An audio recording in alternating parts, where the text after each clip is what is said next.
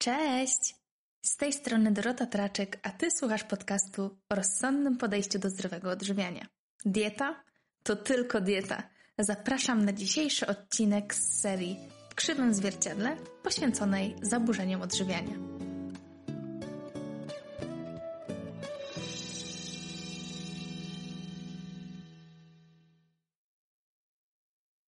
Gościem dzisiejszego odcinka jest Magda, z którą współpracowałam w październiku i listopadzie, od września gdzieś mniej więcej. I pamiętam, że jak Magda rozstałyśmy się, czyli zakończyłyśmy współpracę, powiedziałaś, że bardzo byś chciała wystąpić w tym podcaście. I pamiętam, że rozstając się powiedziałam Tobie, że e, jestem jak najbardziej na tak, ale jeszcze troszeczkę, e, troszeczkę przed Tobą i jak będziesz gotowa na to, aby tutaj wystąpić, powiedzieć coś, co będzie naprawdę takiego motywującego o swojej przygodzie, że tak powiem, dziwnie może to brzmi, no ale jednak w swoim procesie, to, to z chęcią Cię tutaj zaproszę i, i proszę bardzo, jest marzec i my się tutaj spotykamy. I chciałabym Cię prosić na początek o to, abyś powiedziała troszeczkę o swoich zaburzeniach odżywiania, jak to wyglądało, e, ile lat to trwało, e, no i co było główną taką przyczyną, dla której zdecydowałaś się do mnie zgłosić. Tak, no to na początek witam wszystkich serdecznie. Jest to dla mnie ogromny zaszczyt, że mogę tutaj wystąpić, bo zawsze byłam po tej drugiej, drugiej stronie, byłam po stronie słuchacza i jak tak właśnie słuchałam tych różnych historii, które nagrywałaś z innymi uczestniczkami, to zawsze tak mówiłam, że fajnie byłoby właśnie być jedną z nich, no i, i marzenie się spełniło. Przede wszystkim dlaczego tak właśnie odwlek, a czy odwlekałam? Dlaczego tak to trwało, że właśnie skończyłyśmy współpracę w listopadzie, a dopiero teraz z marcu się łączymy? Myślę, że to głównie wynika z tego, że chciałam być jak najbardziej wiarygodna. Nie chciałam mówić o czymś, co chciałabym, żeby było, tylko o czymś, co rzeczywiście jest. No sama nie chciałabym słuchać historii, y, jak ktoś mówi w samych superlatywach o tym, mhm. jak rzecz historii i tak dalej, dlatego po prostu mm, potrzebowałam czasu, żeby to sobie ułożyć w głowie i myślę, że właśnie nadszedł czas, że jestem gotow, gotowa na to, żeby przedstawić swoją historię. Chciałam też tak wtrącić, że e, ja to bardzo doceniam, bo też dla mnie ważne jest to, aby osoba, z którą nagrywam, czuła, że, e, że może tak totalnie szczerze powiedzieć o tym, jak było, jak jest, nawet jeżeli nie jest idealnie, no ale jeżeli już widzi takie duże e, zmiany, no to, to jest to i tak super E, motywujące, no bo tak jak wcześniej sobie jeszcze zanim zaczęłyśmy nagrywać, e, powiedziałyśmy, to jest taki moment, w którym wiesz, że już na stówę się nie cofniesz. Zgadza się. No to jak się zaczęło? Zaczęło się w szóstej klasie podstawówki. W sumie to były wakacje przed szóstą klasą. E, zaczęło się w taki głupi sposób, bo po prostu byłam na obozie jeździeckim i, i zobaczyłam, że koleżanki są szczuplejsze niż ja. I po prostu tak mnie coś tknęło, że, że a tam, co tam spróbuję, trochę sobie schudnę. I tylko tak, no ja nigdy nie miałam nadwagi. Ja byłam po prostu, byłam no, normalną osobą, no. I tyle. Zawsze miałam trochę masywniejsze nogi, ale no to, no nie wiem, no to było po prostu takie widzi mi się, no. No i jako, że zawsze, od, zawsze bardzo lubiłam słodycze, po prostu tak z dnia na dzień je całkowicie rzuciłam.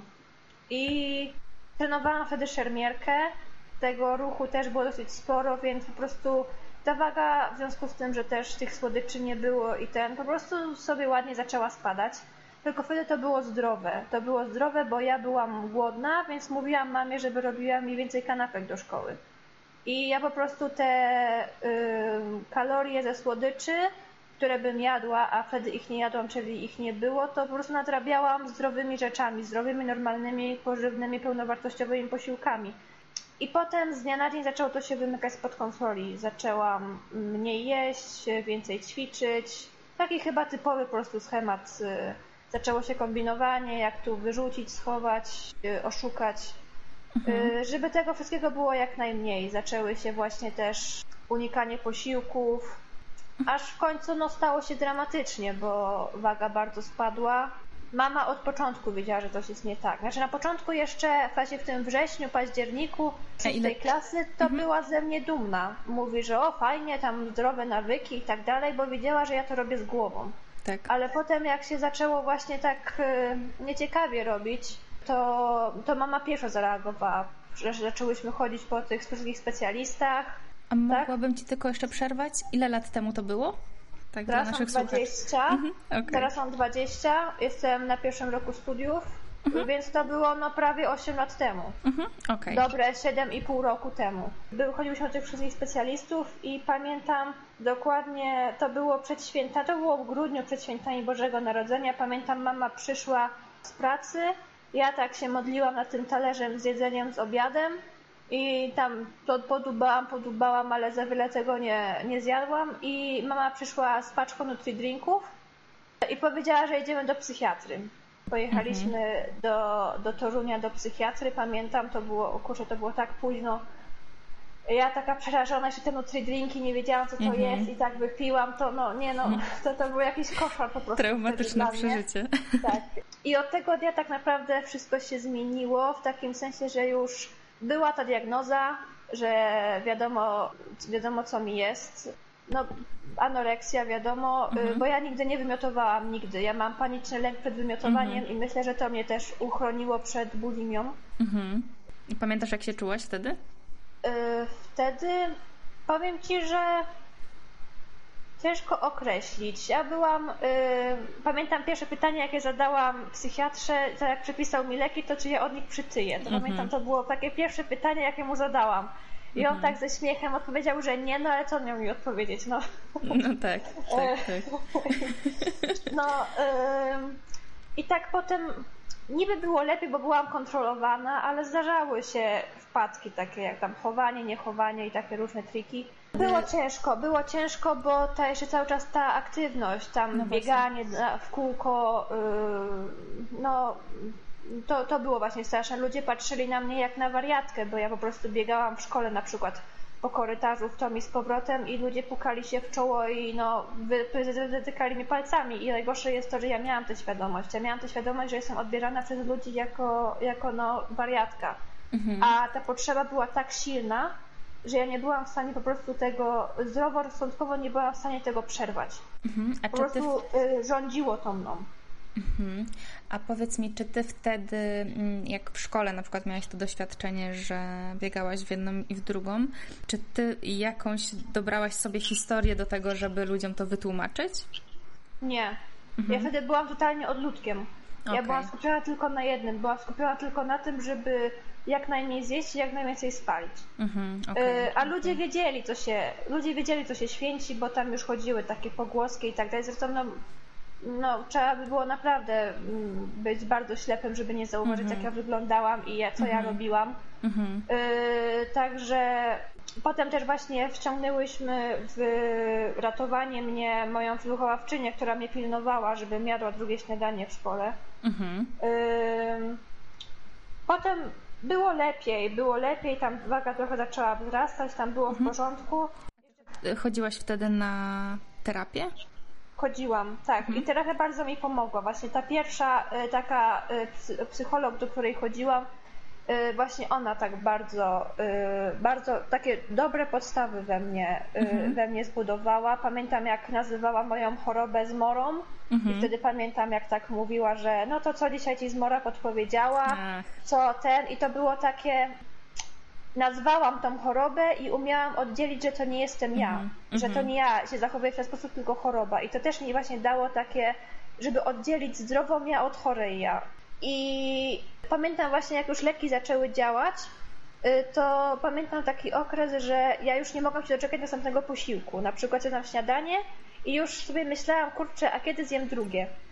Ale byłam jeszcze za słaba, żeby sama po to drugie iść i, i je wziąć, tylko po prostu czekałam te tam 3 czy tam 4 godziny do następnego posiłku. Ale już był taki ten apetyt, już był. I potem właśnie pamiętam też, był taki jeden dzień, yy, nie pamiętam w jakim to było miesiącu, ale to w tej, w tej szóstej klasie, że ja tak wstałam rano do szkoły i poszłam do mamy na dół do kuchni i mówię jej, że tak dłużej być nie może i że ja muszę coś z tym zrobić, że ja już nie chcę być chora. Mhm, I w sumie od tego momentu, od tego dnia już przestałam się głodzić. Naprawdę już nie było czegoś takiego, nie było dnia, w którym ja bym się głodziła. Mhm. Jeszcze były jakieś sytuacje takie, że coś schowałam, tu coś wyrzuciłam, ale to nie było tak, jak że ja się, że ja się głodziłam. Mhm. Ale cały czas, cały czas od początku był problem z aktywnością fizyczną. to był dla mnie największy problem i przez te całe 8 lat choroby to był tak problem numer jeden, który najciężej było mi zwalczyć. Mhm. Czy to było tak, że e, aktywność fizyczna pomagała ci w tym, aby jeść normalnie, czy po prostu sama aktywność fizyczna była takim uzależnieniem, że nie byłaś w stanie poradzić sobie bez, bo na przykład bez czułabyś się bardzo źle? Myślę, że i jedno i drugie, bo aktywność fizyczna była czymś takim, była czymś z rodzaju zasłużeniem na jedzenie, że potem mogłam po prostu bez wyrzutów sumienia iść i coś zjeść, ale z drugiej ja i tak i tak bym to zjadła, mhm. bo już po prostu ta potrzeba, no, fizjologiczna potrzeba jedzenia była już na tyle, yy, na tyle uregulowana, że i tak bym to zjadła, mhm. ale po prostu z aktywnością były mniejsze wyrzuty sumienia, a mhm. bez niej rzeczywiście czułam się, yy, czułam się taka gorsza, słabsza, mhm. taka pusta, nijaka, taka. Mhm. Czyli myślę, że po trochę i jedno i drugie. Tak. E, rzeczywiście ta aktywność fizyczna sprawiała, że ja byłam, mm, czułam się właśnie taka wyjątkowa, że wow, ja tak ćwiczę. Na przykład mhm. mnie też miałam coś takiego, że na przykład szłam na trening, na przykład, nie wiem, o ósmej na trening grupowy i ja jeszcze rano, powiedzmy o szóstej czy o piątej zrobiłam swój trening, żeby iść na trening grupowy z myślą, mhm. że o, ale ja już ćwiczyłam więcej, nie? Mhm, tak, Od tych innych ludzi. Tak, I czułam tak, się tak. lepsza. Mhm. Czułam się taka, kurczę, no, ale jestem super, nie? Mhm. No. powiem Ci, że to przypomina mi mnie z liceum. Jak miałam WF na powiedzmy, tak jak ty, no gdzieś ósma, dziewiąta, to ja wcześniej już zrobiłam sobie parę kilometrów biegiem e, i idąc na ten WF czułam taką siłę, taką moc, że oni tak. to tam sobie tam no, marudzą, marudzą na WF-ie, a ja już mam za sobą, tam wtedy jeszcze nie było krokomierza, ani w telefonach, ani, ani, ani żadnych opasek nie było, ale, ale ileś tam kilometrów biegu, więc y, to y, poczucie takie, takiej siły jest tak absurdalne y, i tak silne i tak uzależniające, prawda? Mm, Zgadza się. Niesamowite. Okej, okay, a powiedz mi proszę, jak później jeszcze starałaś się, bo rozumiem, że twoi rodzice byli jak najbardziej świadomi tego i też e, tej tak. obsesji dookoła e, aktywności fizycznej. Jak jeszcze próbowałyście, e, próbowałaś sobie z tym poradzić? Jakich specjalistów może byłaś później? Czy ta terapia została zakończona? Czy może próbowałaś czegoś innego? Yy, nie, ja tak naprawdę, bo to tak jest, jest dopiero, że tak powiem, yy, czubek lodowy, yy, czubek góry lodowej mm, mojej historii. Mm. Bo później właśnie, później pierwsza gimnazjum to był taki okres takiego trochę wyciszenia, było lepiej. Tam chodziłam potem do paru psychologów, ale to nie było tak jakoś, Bóg wie jak intensywnie. Potem przyszła druga gimnazjum, y, gdzie niestety miałam operację na guza szyszynki i mhm. to też tak troszkę mnie. Yy, yy, znaczy, w tym momencie te zaburzenia odżywiania też tak trochę zeszły na drugi plan, bo mhm. stały się rzeczy trochę ważniejsze. Yy, I potem właśnie po operacji yy, zaczęło się znowu yy, ćwiczenie bardzo intensywne. Przez to schudłam. Mhm przez to schudłam i potem właśnie od trzeciej gimnazjum zaczął się znowu problem, y, powróciły zaburzenia odżywiania. Mhm. Ja bardzo się bałam jeść przy ludziach. To był dla mnie ogromny dyskomfort i zdarzało się, że ja na przykład zjadam śniadanie i potem dopiero jak wróciłam do domu ze szkoły cały dzień, bo ja po mhm. prostu tak panicznie bałam się zjeść coś przy kimś.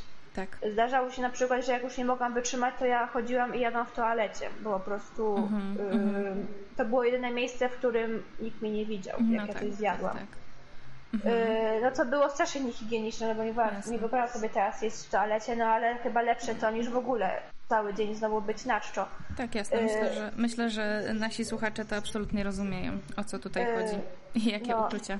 Tak, dokładnie. I I potem właśnie w tej trzeciej gimnazjum, kiedy było, a no i nabawiłam się trochę fobii szkolnej, bo ja zostałam tak trochę odsunięta od rówieśników. W sumie nie wiem, czy to przez zaburzenia odżywiania, tak po prostu ja zawsze właśnie byłam, mm, zawsze byłam dojrzalsza od rówieśników, zawsze miałam inne wartości, kierowałam, byłam zawsze szczera do bólu mhm. i to też się ludziom średnio podobało. Y, odsunęli mnie dosyć mocno i ja takiej właśnie tej fobii szkolnej się nabawiłam i znalazłam w internecie, że jest taka szkoła szpitalna z oddziałem dziennym psychiatrii dzieci i młodzieży. Tak. I poszłam do niej. Y, I na ten taki no, dobry rok szkolny byłam y, w tej szkole. Powiem szczerze mówiąc, że to była jedna z lepszych decyzji w moim życiu, bo mhm. mimo, że tam nie były tylko osoby chore na zaburzenia odżywiania, y, co więcej, byłyśmy tam tylko we dwie, to inne, inne osoby były też właśnie, głównie tam była fobia szkolna. Ale to zrozumienie nauczycieli, to ich ciepło, te ich mhm. takie ta, ta, ich tolerancja, akceptacja nas, że my możemy mieć problemy, a nie zwalanie na jakieś takie, nie wiem, rozwydrzone dzieciaki, które niewychowane, bo tak to było widziane w normalnych szkołach, no w cudzysłowie normalnych szkołach, tak, mhm, takich nie Jasne. ten, że dzieci, które sobie miały jakieś tam powiedzmy dysfunkcje, jakieś choroby, były traktowane jako po prostu rozpieszczone, niewychowane dzieci. Mhm. A, a te dzieci miały naprawdę, po prostu one były chore, one sobie nie radziły ze sobą i one były odsuwane przez rówieśników, do tego pogłębiało ich chorobę. Jasne. jasne no. To była e, dla mnie właśnie e, bardzo dobra decyzja, ten rok w tej szkole. Podniosłam się dosyć mocno. I potem pierwsza i druga liceum była właśnie takim, też takim powiedzmy takim spokojnym, w miarę spokojnym, jeśli chodzi o jedzenie, ale nie jeśli chodzi o ćwiczenia, mhm. bo to był, te dwa lata to były po prostu Y, apogeum mojego zafiksowania na punkcie sportu. To, co ja robiłam, to po prostu było no, nie do pomyślenia. Ja na przykład umiałam nie iść do szkoły na lekcje albo uciec z lekcji ze szkoły, żeby iść poćwiczyć.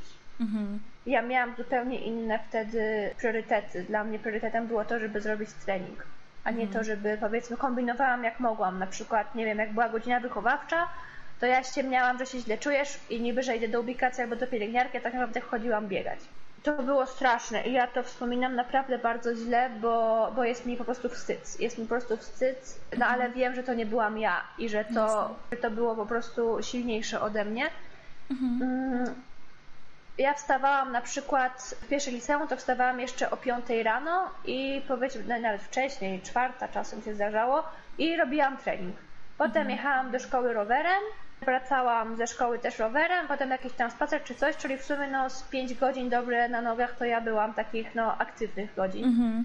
Potem się zmieniło, aha i jeszcze też właśnie co było dosyć moim zdaniem dosyć takie też typowe, że ja musiałam codziennie robić ten sam trening. Żeby czasem nie było tak, że wczoraj spaliłam mniej niż dzisiaj. Mhm, tak. Codziennie, codziennie to samo, codziennie. Mhm. Codziennie musiało być powiedzmy to i, i, i nie ma innej opcji, a no chyba, że było coś więcej. To, mhm. to super. Tak. Y, tak. Im więcej, tym lepiej, ale, ale ani sekundy mniej, nie? Mhm. I mhm. ja nawet czasem powiem ci, potem mama zaczęła mi czas ograniczać ćwiczeń.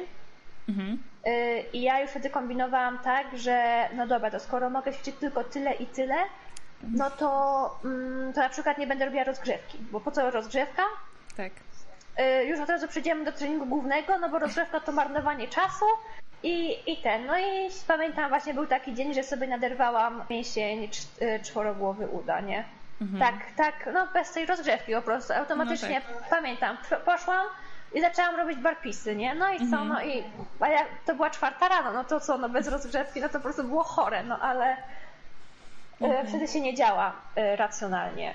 Jasne. I a poza tym, e, e, poza tak? tym tylko wtrącę tutaj, że jeżeli miałaś taki ciąg aktywności bez przerwy, to narażenie na kontuzję i w ogóle ryzyko kontuzji w takim stanie jest ogromne, więc jeżeli jeszcze tej tak. rozgrzewki nie było, no to to już był gwóźdź do trumny praktycznie. Dokładnie, dokładnie. Jeszcze jak było niedojadanie i wszystko mm -hmm. ćwiczenie na czczo, bo ja ćwiczyłam bardzo właśnie mm -hmm. długo na czczo i to mm -hmm. też było takie, no... Mm, ci, co tego słuchają, niech nigdy nie robią tego w domu, że tak powiem, bo to, to naprawdę. Oczywiście to... cały podcast jest po to, żeby tak. nikt tak już nie robił, nie? Żeby się uczył, uczył na jest, naszych błędach. To jest naprawdę straszne. I druga gimnazjum to już był czas, kiedy zakochałam się w rowerze stacjonarnym.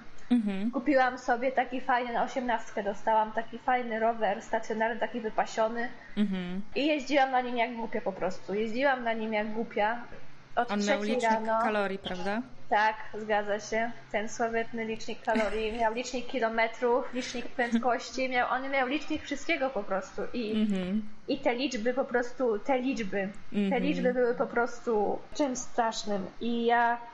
Yy, aha, no i co najciekawsze, bo to myślę, że może zainteresować naszych słuchaczy, to, że ja w okresie, w tej drugiej gimnazjum, yy, przepraszam, liceum, kiedy kiedy ja tak intensywnie ćwiczam, bo to był okres, kiedy ja ćwiczyłam najintensywniej, tak. tej, tej drugiej liceum. Ja tyłam. Ja tyłam, znaczy też prawda jest taka, że ja jadłam bardzo dużo słodyczy. Naprawdę mhm. ja jadłam bardzo dużo słodyczy, mhm. ale wątpię, żeby to była. Y, ja naprawdę jest, dam sobie rękę uciąć, że to nie były takie ilości, jak ja przypalałam. Mhm. Y, raczej... A mimo to ja tyłam. Mhm. Nie miałam miesiączki. Miesiączki nie miałam od, y, od operacji, czyli od drugiej gimnazjum nie miałam miesiączki. Mhm. Chodziłam od ginekologa do ginekologa, nikt nie wiedział, dlaczego ja nie, ja nie mam miesiączki. Mhm. Myślę, że tutaj. Robili, aha, i jeszcze co, y, przepraszam, że tak ci y, nie, nie, no przerywam. A ja jak się tak nakręcę, to już mogę gadać bez końca. Także no, e, taka gaduła ze mnie. Wiesz, powiem ci tak, tak, tak taka mała dygresja. No. Ja, y, ja jestem głodna ludzi. Mm. Ja jestem głodna, e, ja aż się wzruszyłam. Po prostu y, te 8 lat zaburzeń odżywiania zabrały mi najpiękniejsze lata mojego życia. Mhm. Zabrały mi czas z rówieśnikami, zabrały mi czas. Y, ja byłam po prostu odludkiem, byłam odizolowana totalnie od ludzi. Ja, nikt nie chciał ze mną rozmawiać i ja powiem Ci szczerze, że nawet była sytuacja taka, że miałam bardzo zły kontakt z moją siostrą. Mhm. A to było przeze mnie. To było przeze mnie, bo ze mną nie dało się o niczym innym rozmawiać, jak tylko o ćwiczeniach. Mhm. Jak tylko o kaloriach, jak tylko o ćwiczeniach. I i ja pamiętam, byliśmy na spacerze kiedyś i ja jej powiedziałam, wiesz co, y, ja się nie dziwię, że ty mnie nie lubisz, bo ja sama siebie nie lubię. Mhm. Ja sama, gdyby ktoś, gdybym, gdybym y, znała kogoś takiego jak ja, to ja bym powiedziała, no wariatka, no przecież z nią się nie da o niczym innym rozmawiać. Dlatego, dlatego jak ja teraz z tego wyszłam i, i otworzyłam się na ludzi i wychodzę i rozmawiam z uśmiechem na twarzy, nie ma tej rutyny, o której zaraz powiem, na czym ta moja rutyna -hmm. polegała, to ja po prostu ja po prostu widzę, jaka, jak mi brakowało, jak, jak ja cierpiałam na deficyt kontaktów międzyludzkich, jak ja cierpiałam na no, to, no dokładnie, no. Na deficyt bycia wśród ludzi. Jak, ja byłam po prostu samotna wśród ludzi i, i to, było, to było w tym wszystkim najgorsze. No i, e, no, no i na czym ja skończyłam wcześniej? E, Mówiłyśmy o tym, że tylko bym tutaj jeszcze wtrąciła, że e, to piękne jest, piękne jest to, jak teraz o tym mówisz, bo to też pokazuje, jak bardzo po zaburzeniach odżywiania zaczynamy rozumieć, ile tak naprawdę straciliśmy i często z, z takim dużym opóźnieniem. Ty już byłaś, co prawda, świadoma tego w trakcie tego, wiedziałaś, tak jak powiedziałaś, że ciężko jest rozmawiać z tobą o czym innym i ta świadomość była, natomiast mm, zobacz, mm, jak teraz patrzymy w tą przeszłość, ile to było czasu, ile, e, ile tak naprawdę straciło się E, przez to, że było się zafiksowanym na czymś tak prozaicznym jak aktywność fizyczna, prawda? To jest niesamowite. No tak, tak tylko chciałam powiedzieć, a, a tak, jednocześnie. No to prawda. Mhm, a jednocześnie y, tylko jeszcze dodam odnośnie tego, y, tego tycia w, w trakcie. To jest coś, co, co, co wiele osób, ciężko, ciężko w większości osób jest to y, zrozumieć, zwłaszcza jeżeli tego doświadczają, bo to się wydaje absurdalne, że na pewno nie jemy więcej niż, y, niż spalamy, a ta masa ciała zaczyna rosnąć i samopoczucie zaczyna bardzo mocno spadać. Zwłaszcza, że nie miałaś miesiączki, to też świadczy o tym, że ta dostępność energii była bardzo niska. No i co, jak to było dalej? Tak, i, mhm. aha, jeszcze też właśnie coś dziwiło wszystkich moich ginekologów, to że ja miałam hormony, y, hormony płciowe na poziomie noworodka.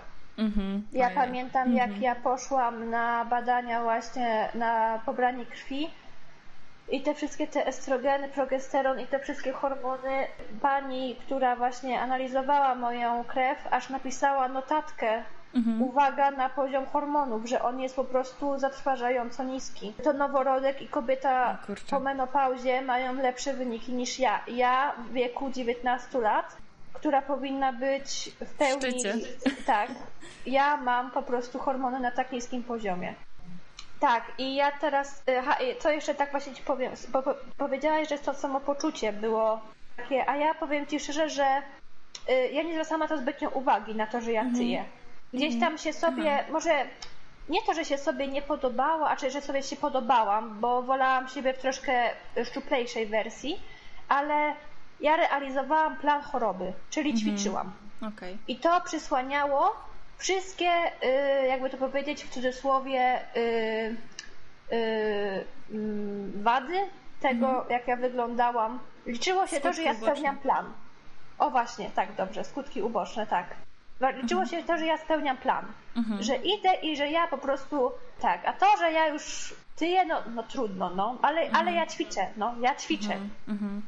Pamiętam, e, pamiętam też tylko wtrącę tutaj e, troszkę z mojej sytuacji, że też miałam taki okres, gdzie ćwiczyłam najwięcej e, i to, to było coś podobnie jak u Ciebie, że, że te 5 godzin to tam to, to była taka norma, nie? To pamiętam, że też miałam okres, gdzie zaczęłam puchnąć i ja nie byłam w stanie zmniejszyć wtedy aktywności fizycznej, a raczej motywowało mnie to do tego, żeby jeszcze przycisnąć. Tak.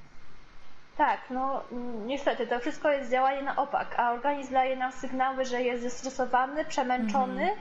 tak. bo to wynika prosta zasada z y, podwyższonego poziomu kortyzolu. No niestety, Oczywiście, jeżeli tak. jesteśmy tak zestresowani, hmm. troszkę tylko wystarczy się y, mocniej pogłębić w ten temat kortyzolu i tego wszystkiego. No niestety to wszystko, hmm. y, to wszystko razem w kupy wzięte daje takie y, efekty, jakie są. I ja teraz się nie dziwię, że ja że ja nie miałam miesiączki, że ja tyłam, jak ja mhm. prowadziłam taki tryb życia, że dieta nie była zbyt dobra, no bo mówię, te słodycze i to wszystko nie było zbyt takie, nie było zbyt zbilansowane, o tak powiem. Mhm. Te ćwiczenia, ja, i, ha, i co jeszcze było ważne, ja uważałam, ja za trening, ja uważałam umordowanie się na rowerze stacjonarnym. Mhm. Ja mogłam, nie wiem, na przykład jak inaczej, jak na przykład zrobiłam 100 km na, ro, na rowerze stacjonarnym, przykładowo, Mhm. Czułam się usatysfakcjonowana, ale jeżeli mhm. zrobiłam 100 km na zwykłym rowerze, to już nie. Aha, okej. Okay. Bo, ja, bo, ja się tak mocno, bo ja się tak mocno na przykład nie spociłam, na przykład, aha, więc trening okay. już nie był taki super. Yy, aha, i co, co ja też głównie robiłam? Cardio, głównie. Mhm. Żadnych siłowych, żadnych, no a czasem, ta, na przykład inaczej. Robiłam y, siłowy, ale po, po rowerze. Mhm. Czyli zrobiłam sobie trening na rowerze i potem mogłam iść sobie na przykład poćwiczyć z ketlami. Tak. To nie ma problemu. Mhm. Ale żeby zrobić ketle zamiast roweru, no to już, mhm. już nie za bardzo, nie? Mhm. Bo, to, bo to nie jest typowo cardio, typowo się mi się tętno nie podniesie, nie będę taka super zmęczona, więc mhm. no nie więc nie za tak. bardzo, tak. Y, ta rutyna musiała być. Na czym polegała moja rutyna? Moja rutyna polegała na tym, że wstawałam właśnie o tej trzeciej rano. Mhm. W nocy? Yy, tak, trzeciej rano. Jak już miałam swój rower u siebie, ten SUV stacjonarny, to chodziłam do garażu i w garażu napierniczałam na rowerze. Potem jechałam do szkoły na normalnym rowerze. Yy, wracałam ze szkoły, tam pouczyłam się i o 20, punkt 20 chodziłam spać. Mhm. No więc no, jak łatwo się domyślić, nie było czasu na żadne inne rozrywki, typu mhm. znajomi, typu, nie wiem, gry planszowe z rodzicami wieczorem. No nie, mhm. po prostu. Punkt 20 było spanie. Punkt mhm. trzecia rano, czasem nawet wcześniej, też było też było y, wstawanie i nie było mhm. zmiłuj. Ja sobie nastawiałam swego czasu milion budzików, żeby nie zaspać na tą trzecią, nie? Mhm. I na przykład było tak, że od 20 do północy spałam powiedzmy ciągle, ale powiedzmy o północy był pierwszy budzik, w pół do pierwszej był drugi, pierwsza mhm. był trzeci i tak, tak w kółko i ja w sumie te potem od tej, czyli w sumie z tak dobrym snem spałam może za 4 godziny. Mhm. A ja byłam po prostu wulkanem energii, nie? Tak, tak, tak. Ja po prostu chodziłam, wstawałam rano, no, z większym lub mniejszym uśmiechem na twarzy i szłam ćwiczyć. Mhm. Ja teraz z biegiem czasu powiem Ci szczerze, że to, y, to nawet nie była przyjemność. Mhm. Ja tego nie robiłam nawet z przyjemnością. Ja to po prostu robiłam jak robot i, i teraz ostatnio się zastanawiałam, dlaczego ja wstawałam o trzeciej rano. Są dwie przyczyny. Pierwsza przyczyna dlatego, żeby zdążyć przed szkołą, Ale druga przyczyna, bo też robiłam to w weekendy, kiedy nie miałam szkoły. A Tak, dlaczego to tak. robiłam też w dni, w dni wolne? Dlatego, że chciałam mieć to jak najszybciej z głowy. Mhm, okej. Okej. Ja po prostu jak najszybciej odhaczyć, zaliczyć i zapomnieć. Mhm. I później cały dzień mieć tak jakby komfort tego, że już Tak, to minimum dokładnie. jest zrobione. Dokładnie. Mhm, to jest... I to było to. I to nie było, to nie miało nic wspólnego z przyjemnością. To po prostu była, był przykry obowiązek.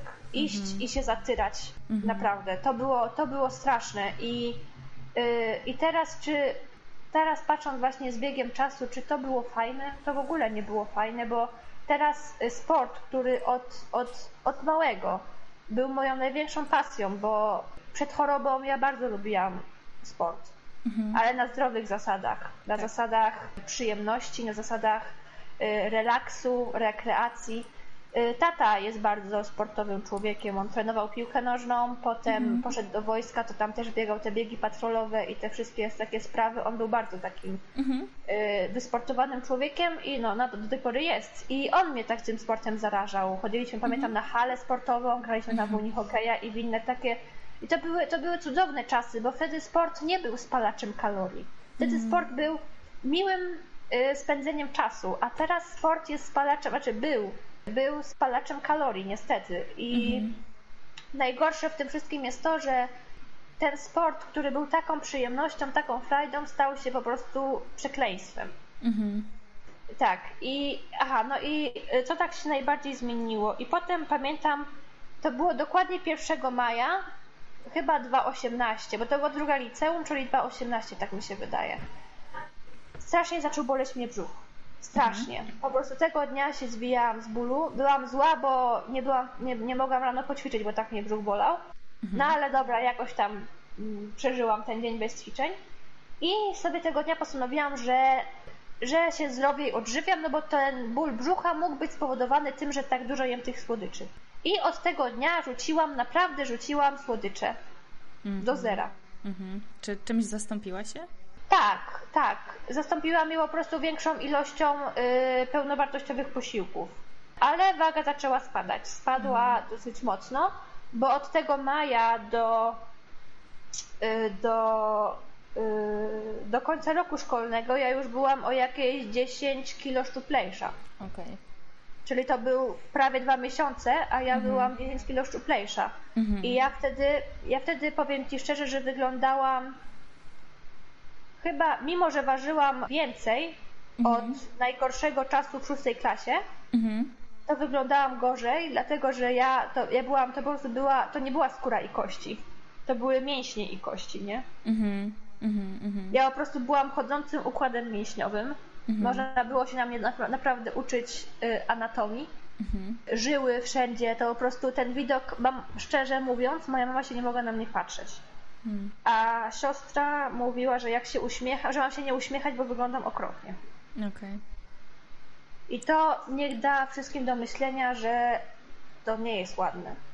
To nie jest ładne. Y, Ja po prostu miałam takie zmarszczki po prostu, bo to była skóra, nie? Tak, Tam tak, nie tak. było nic. To była, Bardzo- to była sucha skóra. jest. Mhm. I y, te takie właśnie zmarszczki i pod oczami się robiły, tak się zbierała ta skóra, to po prostu no, nie wyglądało to estetycznie, no. Mhm. Tak, poza, I- tym, poza tym to było, em, jak to wszystko opisujesz, to było obarczone takim cierpieniem tak naprawdę, takim zajeżdżaniem się i, i brakiem w ogóle szacunku do, do swojego ciała, że to jest takie przerażające, że to widać, e, widać na twarzy osoby, która jest wyniszczona Tak. tak, e, ćwiczeniami w pewnym etapie.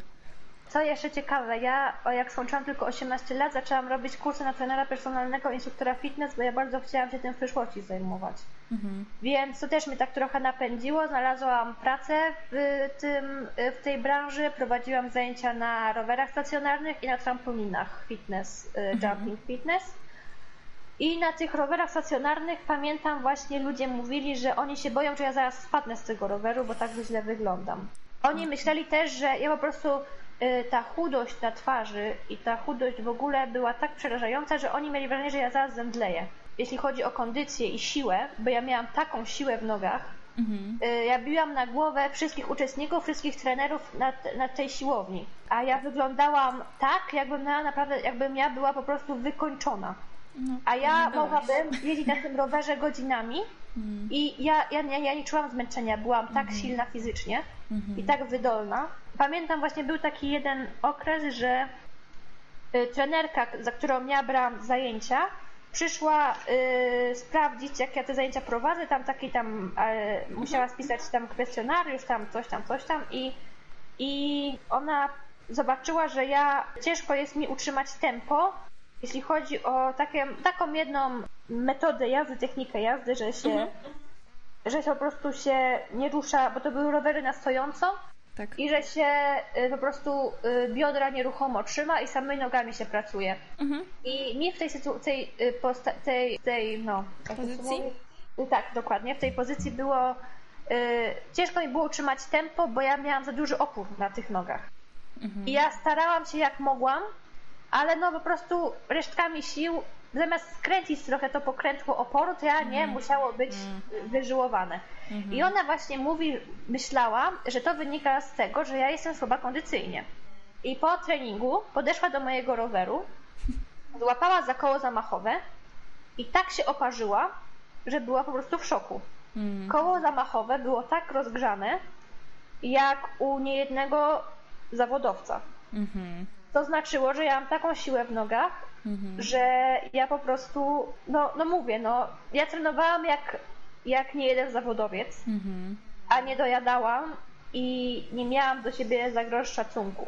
Nie miałam, nie miałam szacunku do tego, żeby się zregenerować, nie miałam szacunku do tego, żeby porządniej zjeść, nie miałam szacunku do tego, żeby nie ćwiczyć po tyle godzin dziennie. I, i tak sobie minął, aha, no i to była klasa maturalna. To się zaczęła klasa maturalna i ja, nie, ja miałam całą trzecią klasę liceum nauczanie indywidualne w domu, bo ja byłam po prostu wrakiem człowieka.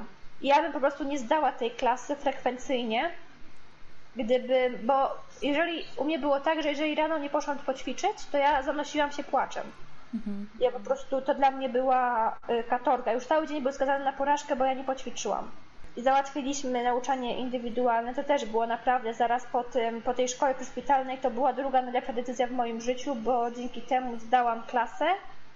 Y, Poprawiłam się też mocno, a czy poprawiłam, ja zawsze byłam dobrą uczennicą, ale chodzi o to, że mając indywidualne nauczanie, to były tak jakby korepetycje, więc było jeden na jeden, nauczyciel, nauczyciel był tylko dla mnie i to też pomogło mi bardzo dobrze zdać maturę, o wiele lepiej niż gdybym chodziła normalnie do szkoły i tak zaczęło się psuć, wiesz, y, dosyć mocno w Zdrowie. takim sensie, że tak, zdrowie i ja po prostu już miałam dosyć i poszłam na terapię półhipnozą, O, właśnie chciałam o to zapytać. tak, poszłam na terapię półhipnozą.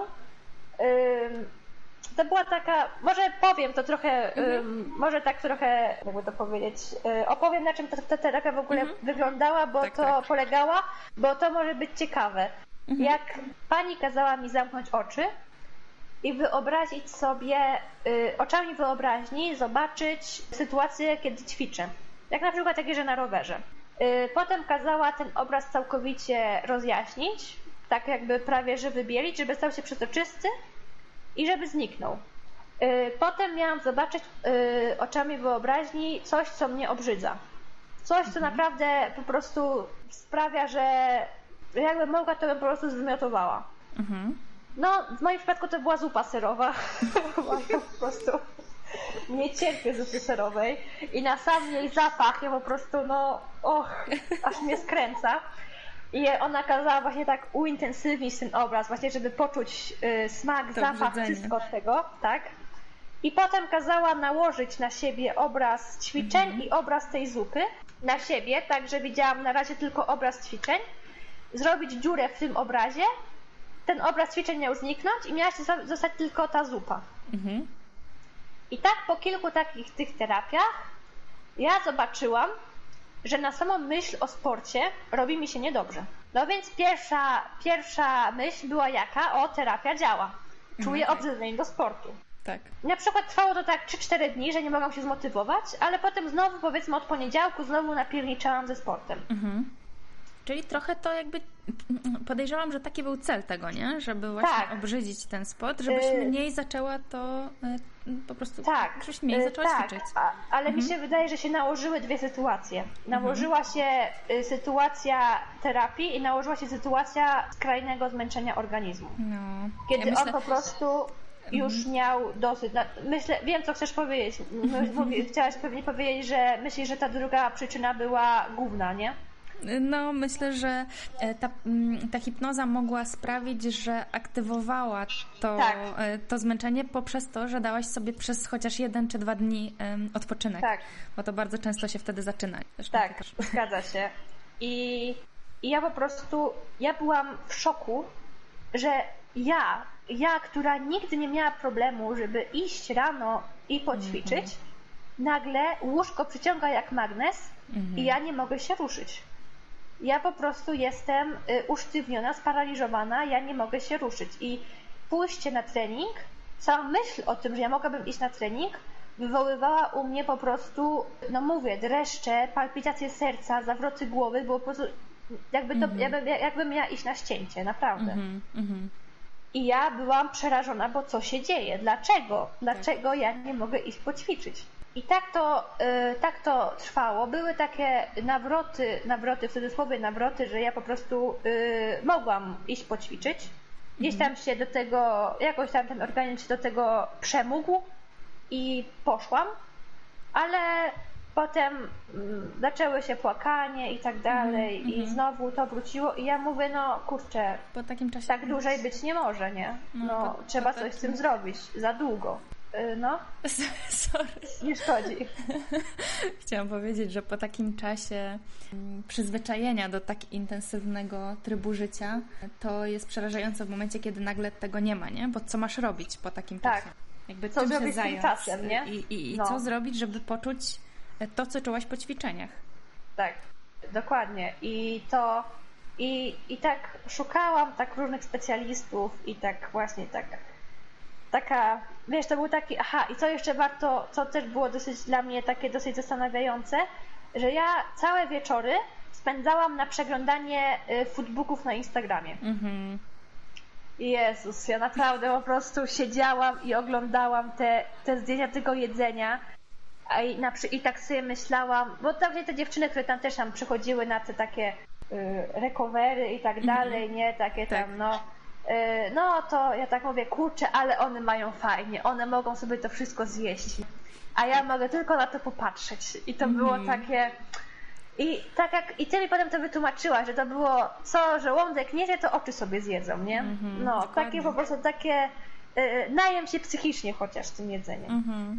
Potem były sytuacje, że jedzenie mi się śniło. Ja po prostu mm. całą noc śniłam o jedzeniu. Że ja coś zjem, że ja coś tak. tam. Potem zaczęły się sny, że nie mogę ćwiczyć. Na przykład, że już jestem przebrana w strój sportowy i już mam wsiąść na rower, ale nagle rower jest zepsuty, nie wiem, no, Aha. nie na nim jechać. Albo mhm. na przykład ktoś mnie cały czas woła i coś ode mnie chce. I, I to dla mnie było takie, kurde, no, i ja, ja byłam taka zestresowana w tym śnie, że ja nie mogę poćwiczyć. I, i, i teraz z biegiem czasu, patrząc na to, to ja, ja teraz widzę, do jakiego stanu ja doprowadziłam swój organizm, jaki on był zesperowany, żeby nawet podczas snu, regeneracji, on musiał się bronić. Mhm, dokładnie. Powiedz Magda, e, jak było później? Bo e, w momencie, kiedy my się poznałyśmy, tak. to, e, to ty już miałaś tą silną blokadę właśnie związaną ze sportem, tak. natomiast i tak e, jeszcze ten sport był w dużej ilości. Pamiętam, że się po prostu zmuszałaś do tego. Jednocześnie też wspominam, że z jedzeniem było tak, że nie potrafiłaś sobie nic nałożyć na talerz, bo po prostu ten apetyt był taki duży, a jednocześnie też miałaś wyrzuty sumienia. Pamiętam, że nie jesteś w stanie normalnie sobie tak. nałożyć nic na talerz, tylko ciągle po prostu coś dojadać. E, pamiętasz ten moment, kiedy się do mnie zgłosiłaś? Tak, pamiętam to, tak właśnie wstałam pewnego dnia i tak mówię do mamy, że no znalazłam, znalazłam, znalazłam taką panią Dorotę i chciałabym się do niej zgłosić, ale się boję. A mama pyta, czego ty się boisz? Ja mówię, no bo ta pani napisała, że ona nie będzie nikogo przekonywać do tycia, nie? Mhm. Bo tak masz napisane właśnie na stronie, tak. że, że nie będziesz licytować ze mną o to, czy przytyje, czy nie przytyje. Mhm. A ja mówię, ale a ja nie chcę przytyć. I mama powiedziała, ale dziecko, ty nie masz nic do stracenia, nie? No. Mówi, gorzej nie będzie. Ja mhm. mówię, no masz rację, gorzej nie będzie.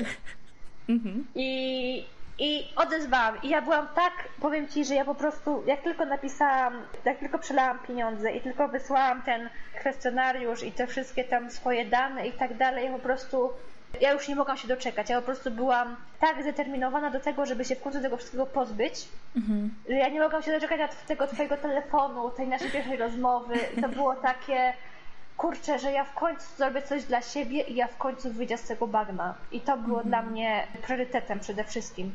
A czy to było trochę tak, że w końcu ktoś ci pozwoli na to, żebyś ty o siebie zadbała?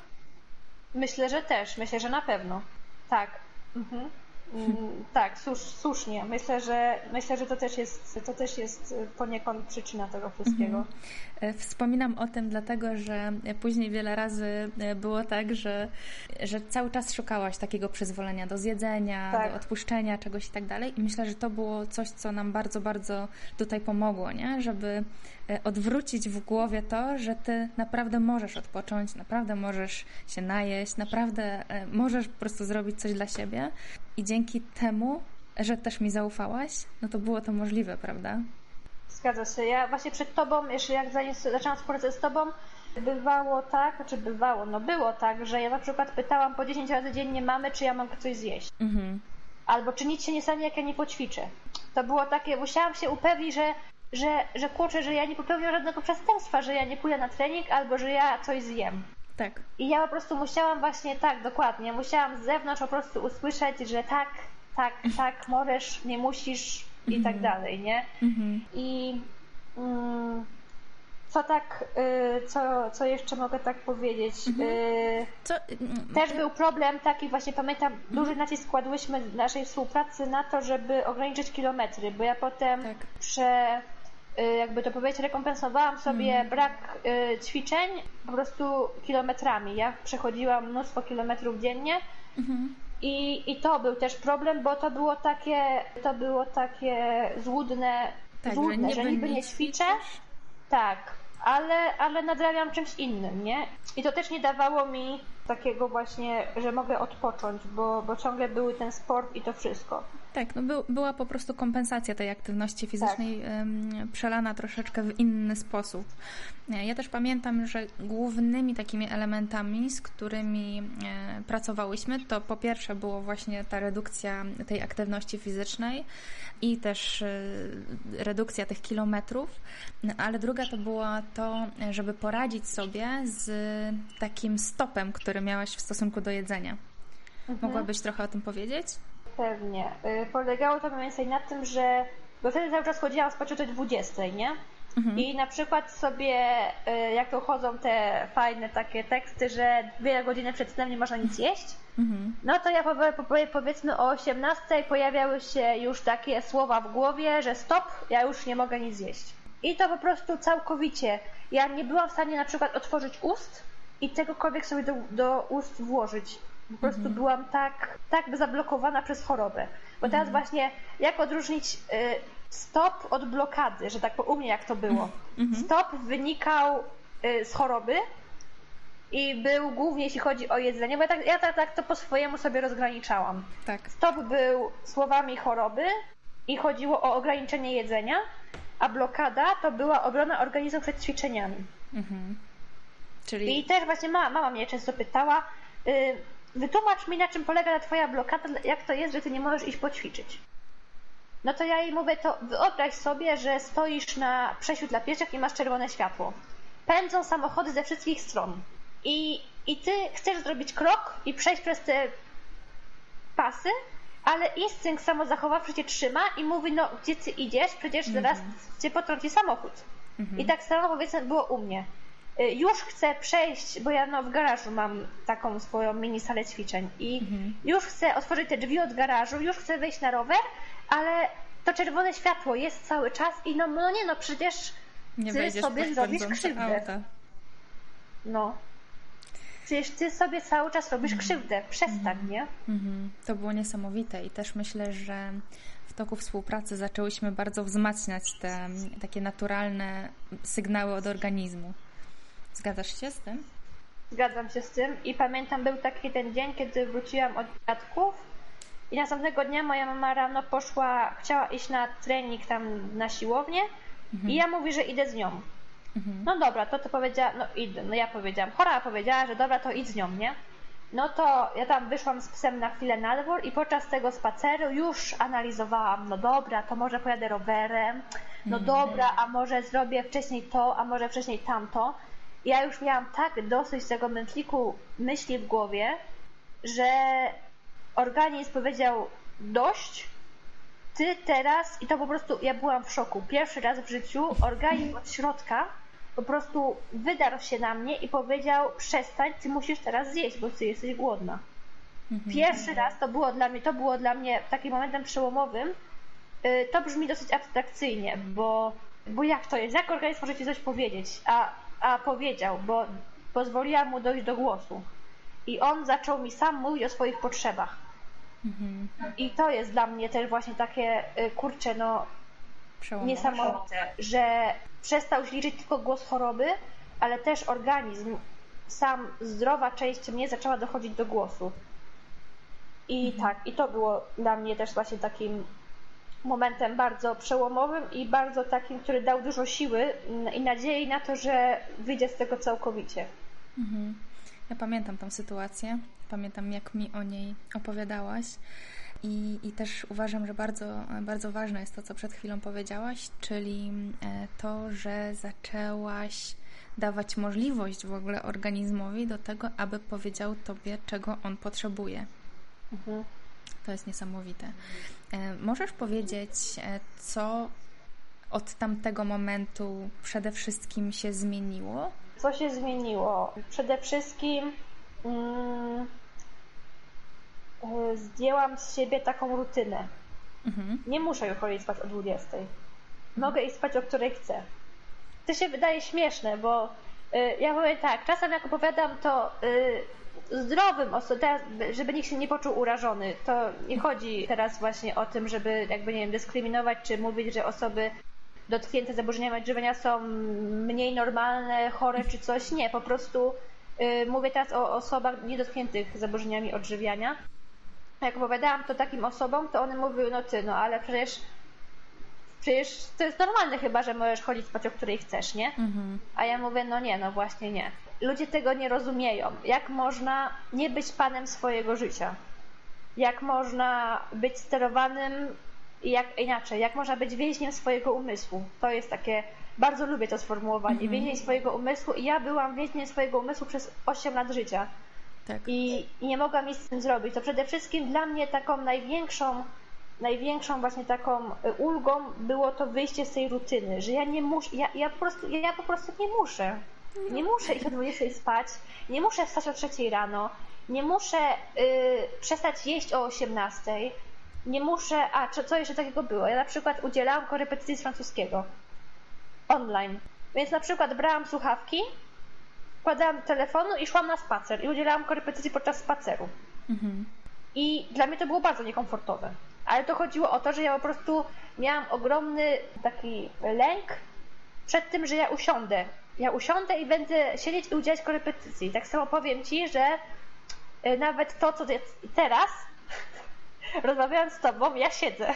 Mhm. No co kiedyś byłaby nie do pomyślenia. Kiedyś bym chodziła w kółko po pokoju z komputerem i, i, i, wie, i chodziła, nie? I, i dlatego tak, to pokazuje, to kurczę pokazuje, jak piękna jest wolność, jak mm. piękna jest y, y, niezależność. Ta, ten brak kontroli, no to jest, mm. to jest po prostu coś pięknego i y, przede wszystkim to się zmieniło, że ja, że ja nic nie muszę. Zmieniło no. się to, że otworzyłam się na ludzi, Otworzyłam się na ludzi, poznałam y, parę wspaniałych osób. Od grudnia też y, mam chłopaka, co też i, a i co też bardzo ważne, ustabilizowałam swoje uczucia. Tak. Bo jak byłam chora, miałam parę przelotnych znajomości, parę przelotnych związków i one wszystkie kończyły się z mojej winy, dlatego że ja nie byłam w stanie pokochać, po, pokochać, jakby to, żeby to dobrze zabrzmiało byłam tak skupiona na chorobie i na tym, żeby ją zaspokajać, mhm. że nie byłam w stanie zaspokajać potrzeb drugiej osoby. Ale tej najbliższej, chyba... mojemu sercu. Ja te, ja te osoby bardzo szanowałam na, y, po prostu jako zdrowy człowiek i szanowałam je, że, że jesteśmy blisko, bardzo je lubiłam i tak dalej, ale nie byłam gotowa na miłość. Mhm. A teraz, kiedy wyszłam z tego i chociaż po części, bo ja nie mówię, ja nie jestem w 100% zdrowa, ale moment, w którym jestem teraz, a moment, który był chociażby w wakacje, to jest mhm. po prostu niebo a ziemia. Mhm. I ja teraz mam nadzieję, że mój chłopak tego posłucha i, i e, on wie, co ja do niego czuję i to, to jest pierwsza osoba, którą ja pokochałam czystą, taką mm, nieskazitelną miłością, takim pierwszym uczuciem. Y, pierwszym, y, a co nie znaczy, że nie wiem, jakimś takim abstrakcyjnym, bo to jest mhm. prawdziwe uczucie, którym ja go darzę i, i dzięki niemu tak naprawdę, dzięki temu, że on tam jest i on mnie akceptuje taką, jaka ja jestem, to mi daje ogromną motywację do tego, żeby iść dalej i, i się nie zatrzymywać, nie robić postojów, tylko dalej iść w kierunku zdrowia. Chęć, znaczy y, możliwość tego, że mogę komuś powiedzieć, że go kocham i, i wiedzieć, że i wiedzieć, że te słowa są i jakby powiedzieć, zawrzeć w tych słowach całą akceptację i całe swoje uczucie, to jest po prostu coś pięknego. I y, nie byłabym w stanie tego doświadczyć i nie byłabym w stanie tego poczuć, nie byłabym w stanie w ogóle być wiarygodna w tych uczuciach, kiedy byłabym chora. I to jest piękne. Druga sytuacja, też poznałam niesamowitego y, też człowieka, który y, właśnie y, śmieszna sytuacja, takie zrządzenie totalne losu, bo napisał na pewnym forum z zaburzeniami odżywiania o tym, że chciałby pomóc swojej dziewczynie chorującej na właśnie na zaburzenia odżywiania i czy ktoś mógłby mu wytłumaczyć, na czym to polega, żeby on mógł jej pomóc. Ja byłam po prostu, jak ja to przeczytałam, ja po tak mnie to chwyciło za serce, że, że ktoś chce y, sam z siebie pomóc takiej osobie, nie? Mm. I, i, my się, I my się tak właśnie zaczęliśmy, zaczęli. Okazało się w ogóle, że mieszka niedaleko mnie. No, niesamowita, niesamowita rzecz. Y, też jest dla mnie ogromnym wsparciem. I ta możliwość, że ja otworzyłam się na ludzi, że, że ich że ich właśnie umiem rozmawiać, że mm. Rozmawiać o czymś innym niż o jedzeniu i o kaloriach. Mhm. To jest niesamowite. To jest bardzo niesamowite. Tak. Mhm. A czy myślisz, że wpływ tutaj miało też to, że ty sama do siebie zmieniłaś, zmieniłaś stosunek, ponieważ też pozwalając sobie na odpoczynek, pozwalając sobie na e, więcej jedzenia, myślę, że zaczęłaś sama siebie szanować, co mogło też przełożyć się na takie czystsze uczucia względem innych ludzi. Co o tym myślisz? Tak, to na pewno prawda, bo też powiem Ci, że też kiedyś właśnie jak tak bardzo nie lubiłam siebie, jak tak właśnie parę tam minut temu, czy tam paręnaście wspominałam o tym, że miałam świetnie relacje z siostrą i po prostu siebie bardzo nie lubiłam, doszłam do wniosku, że jak ktoś ma mnie polubić, skoro ja sama siebie nie polubię. Mhm. To jest bardzo I, ważne. I po prostu powiedziałam sobie, że y, właśnie tak, wzmocniły się te moje kontakty z innymi ludźmi, umocniła się moja więź z tatą, z rodzicami. Zawsze miałam bardzo dobre kontakty z rodzicami, ale teraz jakoś tak coś się umocniło. Zobaczyłam, że jestem wartościowym człowiekiem. Zobaczyłam, że zobaczyłam, że mam mnóstwo niesamowitych cech, mnóstwo niesamowitych zalet, yy, że jestem wrażliwa. Nigdy tego nie lubiłam. Właśnie zawsze nie lubiłam swoich łez, nie lubiłam tego, że się wzruszam, nie lubiłam tego, mhm. że że jestem naiwna, łatwowierna, że tak wierzę y, tym ludziom w ich uczciwość, szczerość. A teraz, teraz ja po prostu lubię siebie za to, bo teraz pojawiło się takie modne sformułowanie w psychologii, że, to, że ja nie jestem przewrażliwiona, tylko jestem po prostu wysoko wrażliwa. Mhm. I takie osoby, takie osoby są bardzo, bardzo wartościowe i, i też czytałam taki fajny wpis y, na mediach społecznościowych, że jeżeli wysoko wrażliwa osoba ciebie pokocha, to nie dopuść do tego, żeby ona cię, y, że inaczej, żeby ją skrzywić i żeby cię opuściła, bo to jest po prostu skarb, mieć kogoś mm -hmm. takiego. I mm -hmm. to może brzmieć trochę jak, nie wiem, jak narcyzm, czy jak takie, nie wiem, samouwielbienie i tak dalej, ale tak nie jest. Ja po prostu trzeba odróżnić właśnie narcyzm od zdania własnej wartości i pewności siebie. I ja teraz stałam się osobą, która po prostu jest pewna siebie i zna swoją wartość. I dla mnie stwierdzenie, co w styczniu tak stwierdziłam. W styczniu się popłakałam, jak to ja, i powiedziałam, że świat jest piękny i że życie jest piękne i że jestem dumna z tego, że nie odpuściłam i że jestem w tym miejscu, w którym jestem teraz. Jestem dumna, że podjęłam walkę. Jestem wdzięczna przede wszystkim Tobie, Dorota, za to, że mnie poprowadziłaś, bo taka jest prawda, że dwa miesiące y, mentoringu u Ciebie dały mi więcej niż 7 lat chodzenia od psychologa do psychologa bo ty mi otworzyłaś głowę, otworzyłaś mi oczy na to, że to, co się ze mną dzieje, to jest normalne.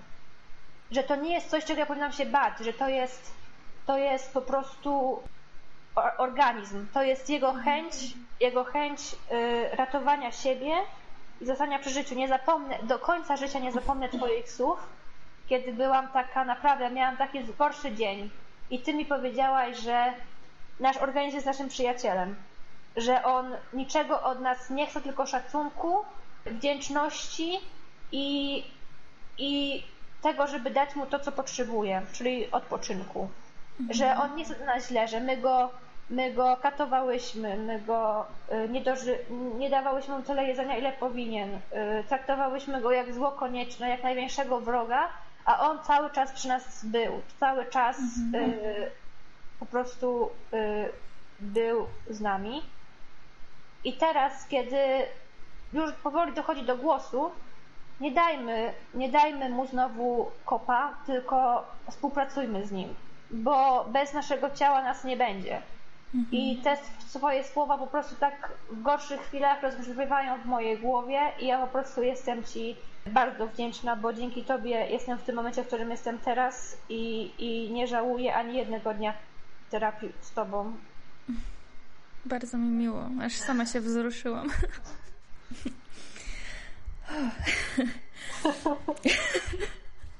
Nie wiem, czy jestem, nie, nie wiem, czy jestem wysoko wrażliwa, ale chyba tak. Magda, bardzo, bardzo Ci dziękuję. Ta Twoja historia, to jak o tym mówisz, myślę, że to jest tak nie tylko wzruszające dla mnie, ale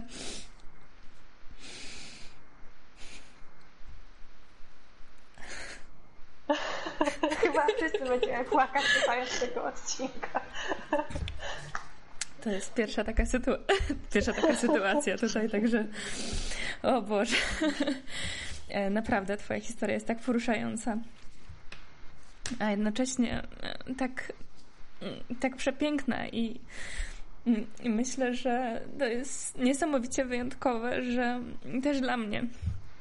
Przede wszystkim, że miałam okazję Tobie w tym towarzyszyć i, i że Ty skorzystałaś z tego w taki sposób, i że teraz potrafisz na to wszystko tak spojrzeć, e, jednocześnie już e, wiedząc, że e, ten szacunek do ciała, ten szacunek do siebie i ta otwartość wobec siebie, plus, mm, plus oczywiście to, co mówisz, że, że w końcu siebie naprawdę lubisz, że doceniasz te Twoje cechy, które kiedyś może uważałaś za, za słabość to jest przepiękne. Też powiedziałaś takie słowa chyba jeszcze przed tym, jak zaczęłyśmy nagrywać, że, mm, że teraz widzisz, jak ta Twoja wrażliwość e, jest istotna i, i jaką to daje tak naprawdę siłę, kiedy e, z nią współpracujesz.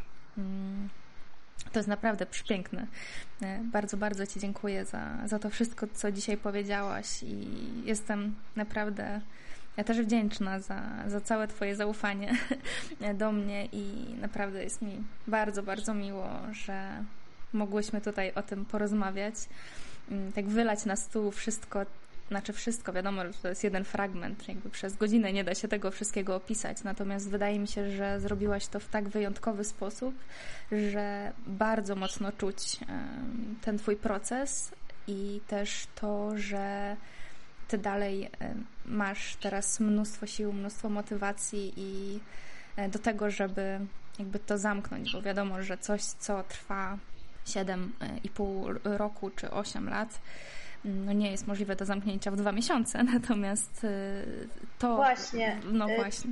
Możesz tak, o tym jeszcze, powiedzieć tak, jeszcze. Że ci, mhm. Tak, że Ci jeszcze przerwę tu właśnie muszę się też jeszcze właśnie nauczyć tego, że raczej nauczyć, właśnie uzbroić cierpliwość i pamiętać o tym, że powiedzmy pół roku zdrowienia to jest nic w Mhm. porównaniu do 7 lat zaburzeń odżywiania. I że ja, bo Mhm. czasami mam takie myśli takie, że no wypadałoby już iść poćwiczyć, a Mhm. wypadałoby iść znowu już się poruszać i tak dalej, ale skoro mój organizm jeszcze ma tę blokadę i nie jest na to gotowy, to ja go nie mam prawa do niczego zmuszać. Mhm. Te pół roku zdrowienia to jest pikuś w porównaniu do tych 7 lat choroby i dlatego też każdy, kto teraz słucha tego podcastu, niech y, pamięta, że żeby się nigdzie nie śpieszyć, że organizm jest mądry i kiedy poczuje, że jest w pełni sił, w pełni zregenerowany, to niech po prostu, to po prostu sam da znać, że chce coś iść zrobić. Mhm, jest... I tak, i co jeszcze chciałam, chciałam coś jeszcze powiedzieć, aha, że po czym też poznaję, że jeszcze nie do końca jestem gotowa na to, żeby wrócić do sportu. Po tym jestem, po tym to wiem, że bywa tak, że na przykład jak już pójdę na przykład pojeździć na rowerze, na takim zwykłym, nie stacjonarnym, tylko zwykłym, to już te przyspieszone tętno, te takie właśnie, ten powiedzmy pot, który z tej tam z czoła poleci, jest jak narkotyk dla mnie. Mhm. I ja po prostu wchodzę w trans i już myślę, że aha, dobra, to pójdę tutaj naokoło, a tu jak już byłam na rowerze, to pójdę na spacer jeszcze trochę, a tu to, a tu tamto. I to jest znak, że, że nie, że nie mogę się zagalopować, bo wrócę do tego, co, czy inaczej, no, jestem, ja teraz, w tym momencie, mogę z pełną odpowiedzialnością powiedzieć, że ja nie wrócę do tego momentu, co był kiedyś, bo już y, jestem na takim etapie świadomości, że to jest niemożliwe. Ale żeby po prostu nie zmarnować tego i znowu nie odciągać w czasie procesów, w którym ja już będę zdrowa. O to mi głównie chodzi. Tak. Żeby nie przeciągać tego. Czyli jak widzę, że po prostu to nie ten czas, że jeszcze ten ruch działa na mnie uzależniająco, żeby tego nie prowokować, żeby nie dawać chorobie w ogóle żadnej, nie dać chorobie żadnego argumentu do tego, żeby się uaktywniła. Mhm. Yy, tak jak, no nie wiem, tak właśnie gadałam z Satą ostatnio o tym i on mówi, kurde, to, tu, to u ciebie jak to u palacza, jak tylko, nie wiem, jak palacz poczuje dym, to od razu musi zapalić, tak samo ty, jak tylko poczujesz przyspieszone bicie serca, to od razu musisz iść i się ten, no dokładnie. Dokładnie tak jest i to pokazuje, że uzależnienie od sportu jest tak samo groźnym uzależnieniem jak każdy inny. Tak, tak i też prowadzi do, do samowyniszczenia, prawda? Dokładnie. E, Jednocześnie to e, bardzo, bardzo fajną rzecz powiedziałaś o tym, że jeżeli w zaburzeniach odżywiania trwamy przez e, ileś lat, to nie można oczekiwać organizmu, że nagle w parę miesięcy po prostu będzie super wszystko ekstra. I, I że będzie w pełni sił, będzie pełni zdrow, bo dużo osób oczekuje, nie? Po kilku miesiącach dobrego jedzenia oczekuje, no przecież ja już normalnie jem. To niemożliwe, że Sama jestem teraz tak zmęczona. No, Tak. to, to jest coś, co, co ja też doświadczyłam. Przyznam, że u mnie takie trzy lata jedzenia normalnego, takiego odpowiedzialnego, już dobrego, jednocześnie e, pilnując się, bo to, co też mówisz o tej aktywności fizycznej, o tym takim uczuci, uczuciu, które wraca w momencie, kiedy e, zwiększa się e, tętno, to cały czas trzeba być sobie takim strażnikiem, prawda? Czyli pilnować się po prostu, bo te połączenia nerwowe, które zostały wypracowane przez lata, one nie znikają tak szybko, nie? Więc to jest po prostu olbrzymia nauka i bardzo się cieszę, że o tym mówisz, bo jest to bardzo ważne, nie? Żeby nie oczekiwać też, że my nagle po prostu już będziemy tacy, jakby nigdy tej choroby e, nie było. Zgadza się. Y, Zawsze tak trzeba się, trzeba się pilnować, żeby po prostu się nie się w tym wszystkim no, nie zagalopować i, i, i, i tyle. Y, jeszcze chciałam kurczę coś dodać, ale umknęło mi, może mi się przypomni. Bo chciałam też jeszcze coś takiego właśnie powiedzieć a propos też właśnie tego sportu, no ale nie wiem, no um, umknęło. Okej. Myślę, że powoli możemy zmierzać do końca, bo ta rozmowa już i tak dosyć dużo nam zajęła, choć myślę, że mogłybyśmy o tym mówić i mówić. Zwłaszcza, że masz dużo do powiedzenia i, i, i to bardzo wartościowych rzeczy. Ale może zapytam Cię tak na koniec, co byś Mhm. przede wszystkim chciała powiedzieć do naszych, bo i tak już powiedziałaś tak dużo, że, że to tylko już będzie po prostu wisienka na torcie. Co byś chciała powiedzieć na koniec naszym słuchaczom? Może którzy są w podobnej sytuacji, jak Ty byłaś? Przede wszystkim, że nie musimy zasługiwać na jedzenie. mhm. bo to dla mnie, dla mnie to było, to było głównym problemem właśnie. Ta niepewność, czy ja, czy ja na pewno mogę. Mhm. I tak, tak możemy. Możemy, musimy, to my jesteśmy panami swojego życia. Kolejna rzecz, o której też chciałabym powiedzieć, bo ja tego nie rozumiałam, że nic się nie dzieje bez przyczyny, nic się nie dzieje bez powodu i nasz organizm, zachowując się w taki sposób, jaki się zachowuje, po prostu dobrze wie, co robi. On mhm. zrobi wszystko, żeby nas utrzymać przy życiu i zrobi wszystko, żeby, żebyśmy byli zdrowi i żebyśmy normalnie funkcjonowali. Także te jego właśnie takie, tak jak ja byłam przerażona tą swoją blokadą przed sportem, to, to jest normalne. Tutaj nie ma się czego, nie ma się mhm. czego doszukiwać, nie ma co iść na żadne terapie półhipnozą i tego wszystkiego to robić, tylko po prostu trzeba zaakceptować ten fakt i dać organizmowi to, co potrzebuje i, i, mhm. i tyle. Mhm. I to myślę, że to jest takie, taka właśnie piękna puenta, żeby zaufać sobie i dać, dać, pozwolić, spróbować, dać sobie dojść do głosu, a, a ja, kto mi pozwolił dać do głosu, no, no ty mi pozwoliłaś dojść do głosu. Myślę, że ty sobie też pozwoliłaś przede wszystkim. A może ja byłam takim inicjatorem tego. Pewnie tak. Magda, bardzo, bardzo, bardzo, bardzo Ci dziękuję za tą rozmowę. E, jestem nadal wzruszona, choć już mi łzy nie lecą. E, bardzo Ci dziękuję za przepiękną rozmowę i współpracę oczywiście. No i to, że bardzo chciałaś tutaj powiedzieć kilka e, słów od siebie. Myślę, że wiele osób z nich skorzysta. Myślę, że dla wielu osób mogą być bardzo przełomowe. Także bardzo Ci dziękuję, że teraz Ty stałaś się taką motywatorką dla innych osób. Ja też, mi jest bardzo miło i bardzo się cieszę, że mogłam opowiedzieć o sobie. Że tak na koniec jakby mogę tylko, mhm, e, bo chciałam bardzo podziękować Kindze. Kinga na pewno to, tego słucha i na pewno mhm. wie, że o niej mowa ona bardzo mi e, pomogła jeszcze przed tym, jak poznałam Ciebie. Mhm. E, bardzo mi pomogła i do tej pory pomaga we wszystkim. To bardzo chciałam jej podziękować. Bardzo chciałam podziękować właśnie mojemu chłopakowi, dzięki któremu też to wszystko, to wszystko idzie w dobrą stronę. No i, i mojemu przyjacielowi też na pewno wie o kim mowa, także mhm. to są te właśnie trzy osoby, które przede wszystkim zasługują tutaj na to, żeby, żeby je tutaj uwiecznić. Super, też pozdrawiam te osoby. I co, no w takim razie kończymy na dzisiaj. Ale ty nie przestajesz oczywiście iść do przodu dalej, działasz już, już y, po swojemu, ponieważ wiesz, co jest dla ciebie dobre, zdecydowanie. Dziękuję ci, Magda. Ja też ci bardzo dziękuję. To była przyjemność. to na razie. Pa. Dziękuję za wysłuchanie kolejnego odcinka podcastu To Tylko Dieta. Mam nadzieję, że znalazłeś w nim coś dla siebie.